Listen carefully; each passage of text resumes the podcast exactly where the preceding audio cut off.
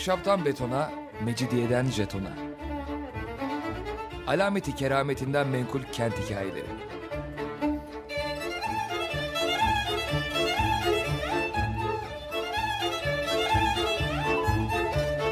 Hazırlayan ve sunan Pınar Erkan.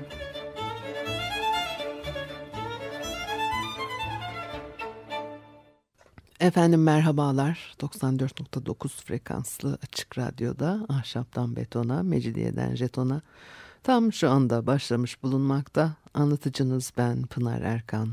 Elektronik posta adresim pinarerkan.yahoo.co.uk Bakalım bugün programımızda neler var. Anadolu yakasının e, genel olarak tarihte sayfiye yeri e, işleviyle kullanıldığını çeşitli kereler konuştuk. 20. yüzyıla gelene kadar neredeyse bu bölgeler taşra sayılıyordu.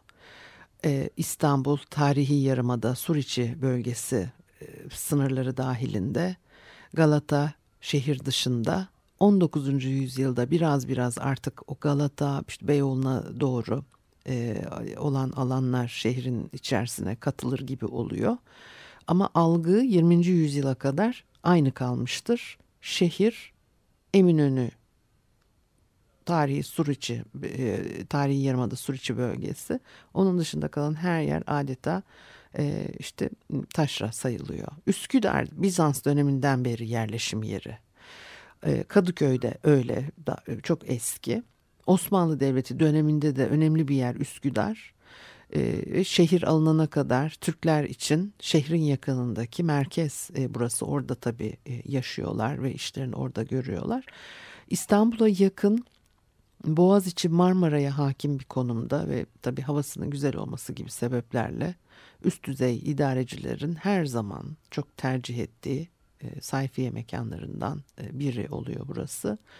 Başta padişahlar olmak üzere hanım sultanlar, sadrazamlar, şeyhülislamlar, diğer devlet din adamlarının saray, işte yalı, köşk, kasır, tekke, bahçeleri hep buradaydı. Bu yapılardan e, bahçeler e, tarihi süreçte Üsküdar'ın e, silüetini şekillendiren en önemli mimari unsurlardan biri olmuştur.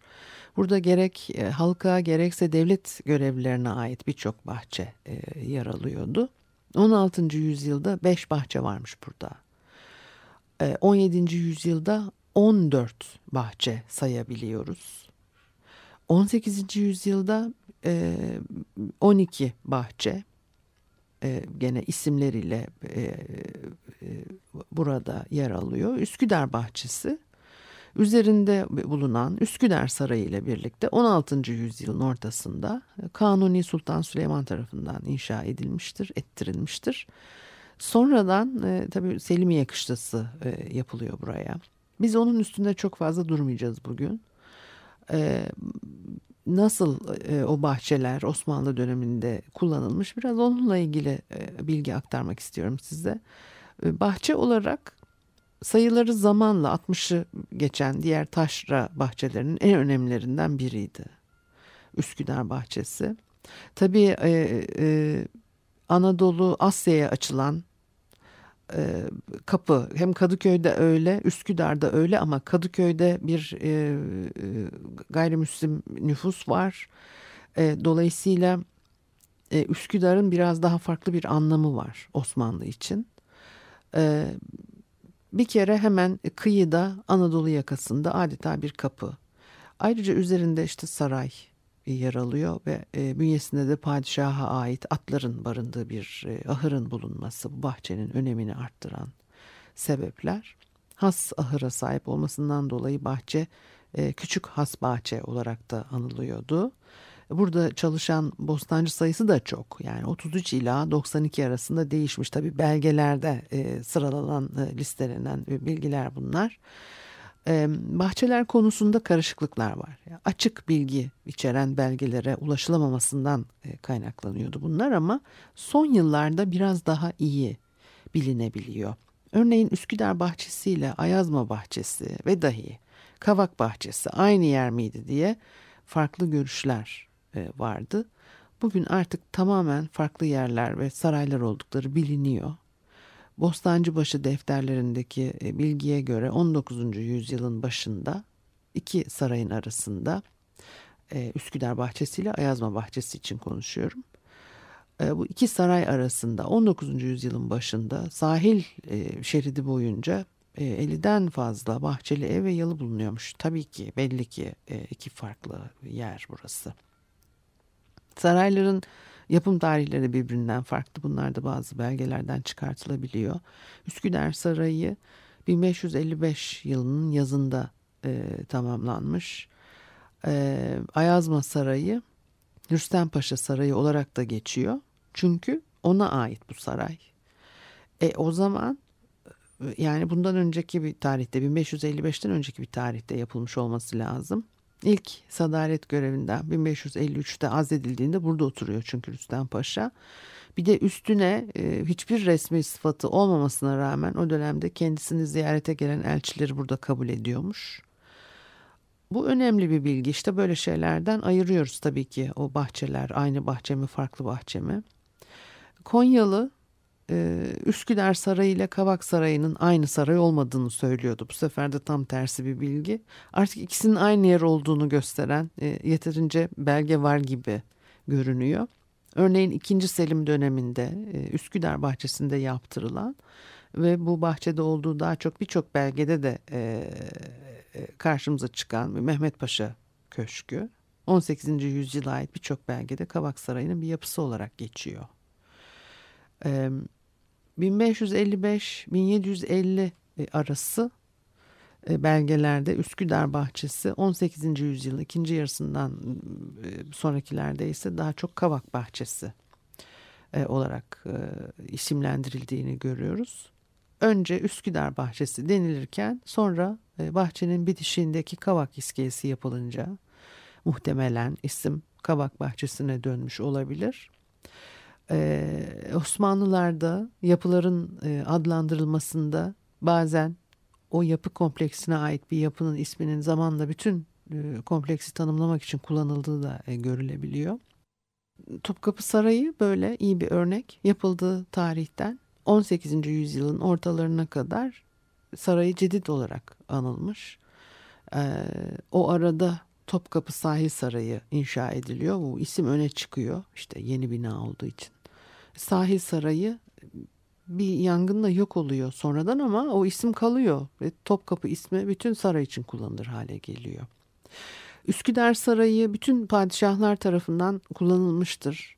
Ama en çok 1. E, Ahmet, 4. Murat, 4. Mehmet tarafından tercih edilen bir yer. Sultan İbrahim genellikle hafakanlarından kurtulmak için gidiyormuş bahçelere. Şehzadelik döneminde uzun süre e, hapis hayatı yaşadığı için e, can korkusu, e, hafakan, e, stres, endişe gibi e, şeyler yaşamaya başlıyor. Hafakan yaşanır mı öyle tek başına onu bilmiyorum ama e, kuruntular işte bir takım rahatsızlıklar ortaya çıkıyor demek ki sağlığı bozulmuş adamcağızın.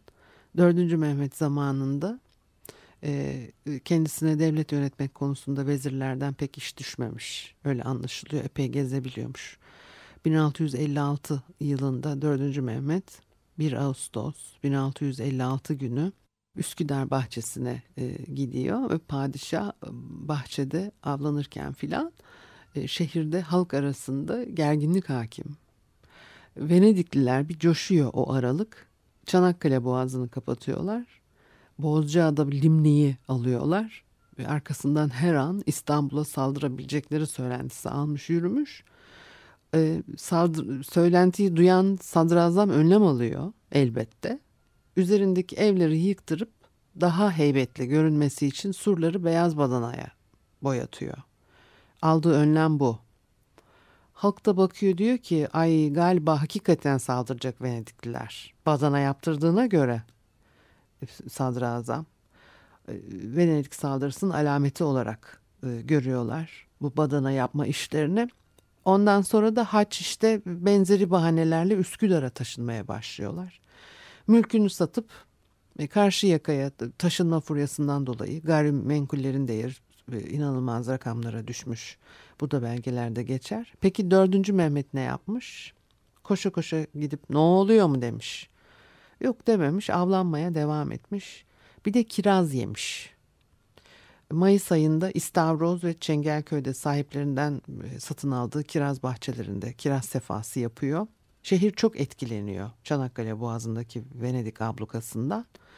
Ablukayı güya kaldırmak için e, Venediklilerle mücadele etmeye gönderilen tabii bir Ayano Erkan, e, e, Erkan e, başarısız oluyorlar ama yani çok önemli değil. Kiraz mevsiminden istifade etmeyi e, ihmal etmiyorlar. Onların böyle ciddi bir mesele karşısındaki rahat e, tavırlarını gören Katip Çelebi Boğaz muhasarası kaydını unutup Boğaz derdine düştüler şeklinde bir e, eleştiride de bulunmuş. En sonunda iş ciddiye binip isyan emarelerinin görünmeye başlanması üzerine padişah bahçedeki e, işte programını kesip İstanbul'a e, dönüyor. Peki bir müzik arası verelim ondan sonra devam edelim.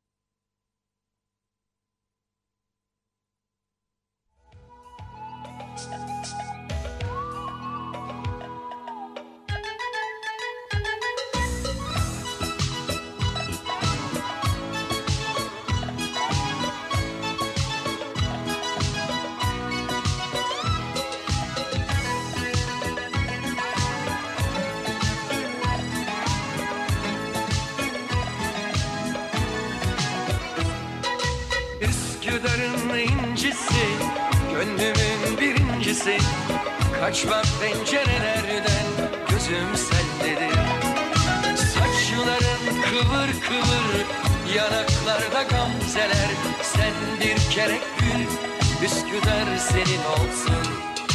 Gel gel gel benimle gel gel gel. Gel gel gel benimle gel gel gel. Karşımızda kız kulesi kollarımda sen Karşımızda kız kulesi kollarımda sen. Üsküdar'ın incisi Gönlümün birincisi. Kaçmak pencerelerden Gözüm sendedir Saçların kıvır kıvır Yanaklarda gamzeler. Sen bir kere gül Üsküdar senin olsun. Gel gel gel benimle gel Gel gel. Gel gel gel. Benimle gel Gel gel. Karşımızda kız kulesi Kollarımda sen. Karşımızda kız kulesi Kollarımda sen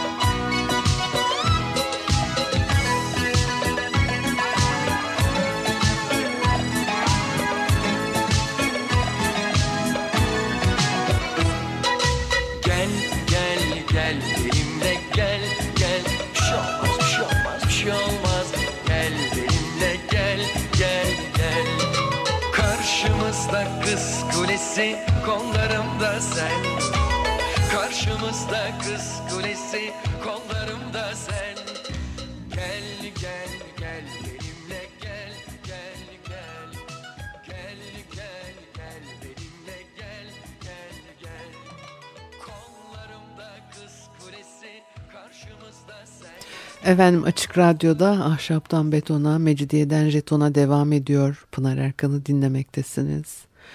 Ee, Üsküdar Bahçesi'nden e, konuşuyorduk. O arada da sultanlar ne kadar düşkünmüş Üsküdar Bahçesi'ne veya bahçelere veya hangileri düşkünmüş biraz onları e, e, anlatmıştım. Bazı sultanlar Üsküdar Bahçesi'ne işte öyle bayılırken bazısı da semtine bile uğramıyor. Neden? Çünkü seferde filan oluyorlar da o yüzden. Bir de 3. Ahmet gibiler var. Üçüncü Ahmet çiçek, böcek, bağ bahçeyle en çok vakit geçiren sultanlardan olmasına karşın Üsküdar bahçesine ilgisiz.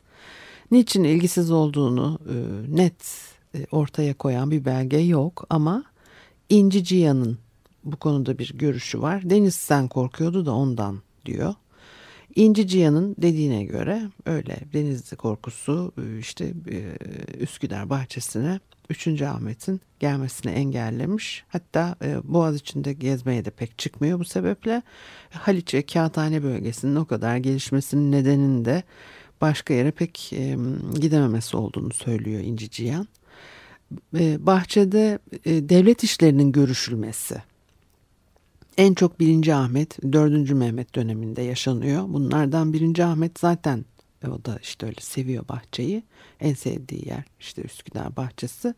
Artık nasıl oluyorsa bu zafiyetlerden devlet geleneği kırılacak noktaya geliyor. Vezir Azam Kuyucu Murat Paşa'ya çok güveniyor. Çünkü eski, eşkıyayı e, temizlemiş. Vezirin e, eşkıyayı temizleme konusunda gösterdiği maharetten pek memnun divan toplantılarının artık Üsküdar bahçesinde yapılmasını istiyor. Ama tabii Vezir-i Azam devlet geleneğine aykırı böyle bir e, tasarrufun nelere mal olacağını kestirebildiği için işte münasip bir dille bunun geleneğe aykırı olduğunu dolayısıyla uygun olmayacağını beyan ediyor da padişah bu düşüncesinden vazgeçiriyor. E, Üsküdar bahçesinde tabii e, saray e, olduğu için elçi kabulleri de burada yapılmıştır. Bahçede ilk elçi e, kabulünü o bahçeyi yaptıran Kanuni Sultan Süleyman gerçekleştiriyor. İran'a gönderilen Türk elçilik heyetinin başında kapıcıbaşı Hasan Ağa var. Dönüşte Üsküdar bahçesinde padişahın huzuruna çıkıyor.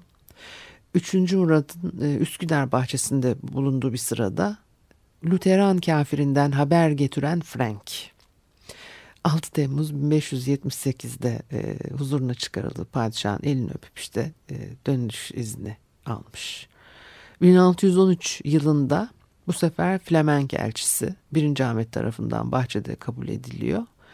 E, yani bir ticaret filosuyla geldiği gelmiş olduğu için ziyaretin ticari amaçlı olduğunu anlıyoruz diyor kaynağımız e, e, elçi huzura kabul edildiği gün beraberinde getirdiği hediyeleri de padişaha takdim etmiş. E, ve işte tüccarlarla ülkesine dönüş için de yine izin istiyor.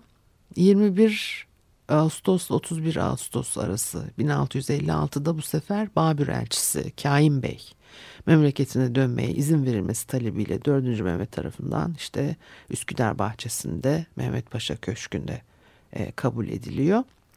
Bu ziyaret sırasında padişah tarafından kendisine hilat da giydirilmiş. Ee, bu sefer ne var? 1722 Mart'ında İran elçisi e, Boğaz içindeki bazı bahçe mesirelerde ve de Üsküdar bahçesinde ağırlanıyor. Elçiler dışında e, bağlı devletlerin hanları, üst düzey devlet görevlileri de Üsküdar bahçesinde kabul edilebiliyor. Bunlardan biri e, Rodos'ta ikamete mecbur bırakılmış Mehmet Giray. Meşhur tabii o Kırım Hanı e, e, İslam Giray'ın ölmesi üzerine işte o İstanbul Mehmet Giray İstanbul'a getiriliyor.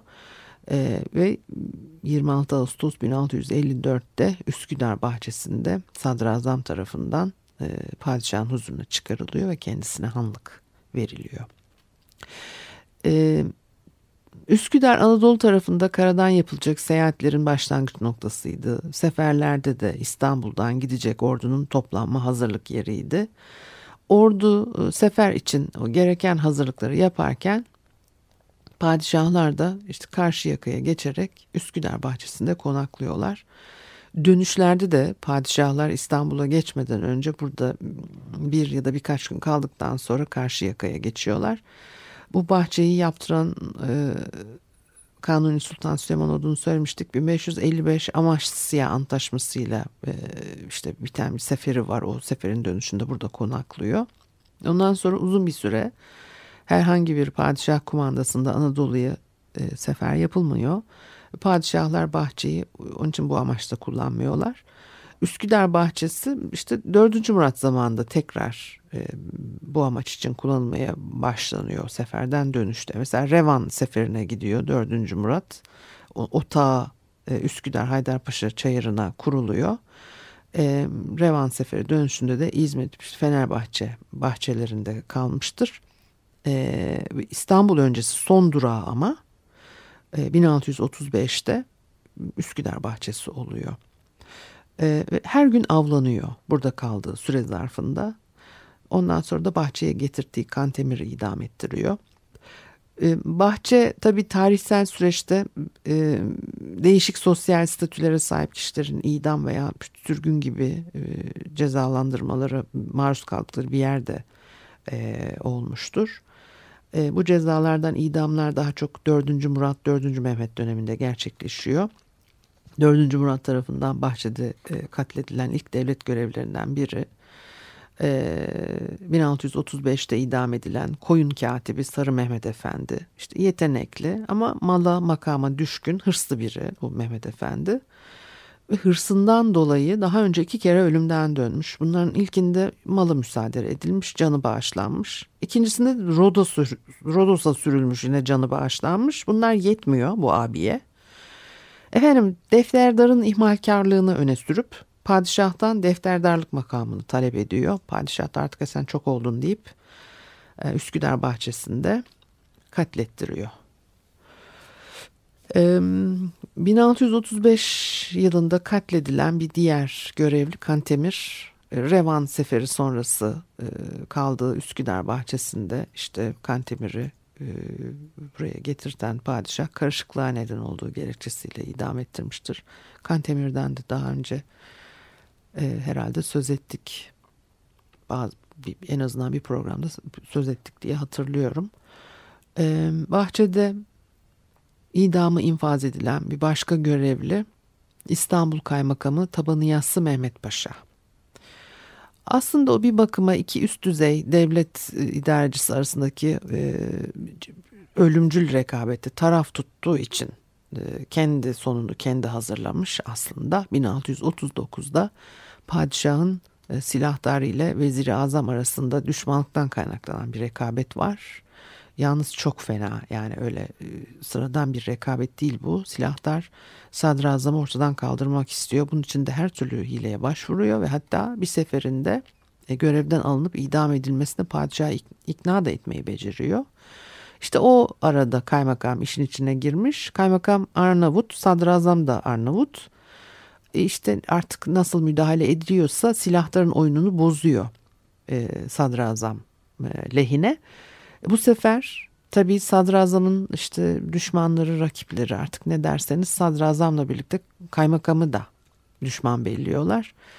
Ee, önce bir hileyle onu ortadan kaldırmaya karar veriyorlar ve en sonunda da Eflak Bey'ini haksız yere azlettirme konusunda kendisini yanılttığı gerekçesiyle padişahın kaymakama kızmasını sağlıyorlar. Yani adam çırpınmış silahların talebiyle böyle bir teşebbüste bulunduğunu söylemiş ama tabii sözünü dinletememiş. Önce Yedikule'ye hapsediliyor arkasından da Üsküdar bahçesinde yine e, padişahın huzurunda e, boğduruluyor. 31 Temmuz e, 1656 tarihinde 4. Mehmet'in emriyle e, yine üç önemli sanık Üsküdar bahçesinde idam ediliyor.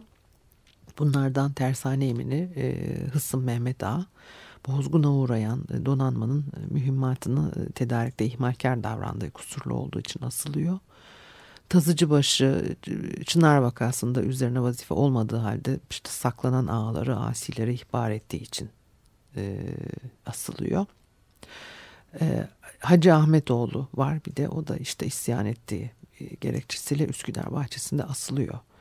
Bir, Nisan 1659'da Anadolu'da yakalanan Celaliler e, Üsküdar Kavak iskelesinde 70-80-100 kişilik gruplar halinde 4. Mehmet'in huzurunda idam edilip cesetleri denize atılmıştır. O kadar yeter herhalde. O asıldı, bu idam edildi. bir iki boğduruldu.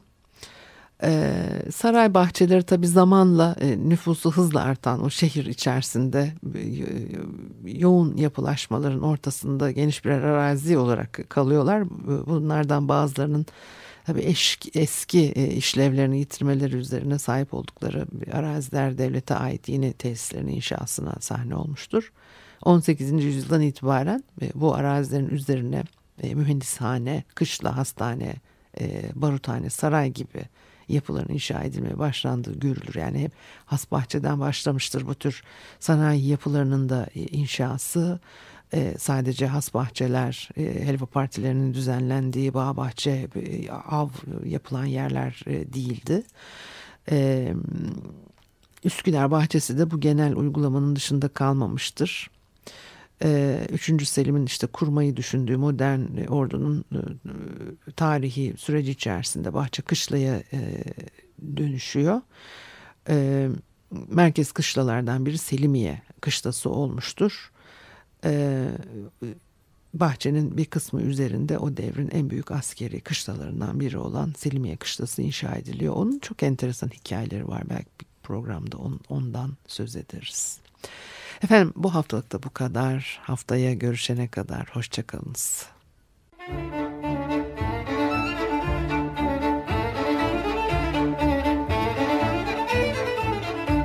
Ahşaptan betona, mecidiyeden jetona. Alameti kerametinden menkul kent hikayeleri.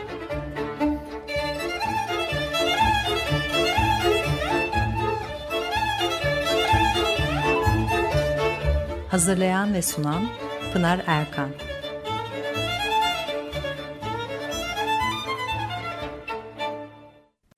Açık Radyo program destekçisi olun bir veya daha fazla programa destek olmak için 212 alan koduyla 343 41 41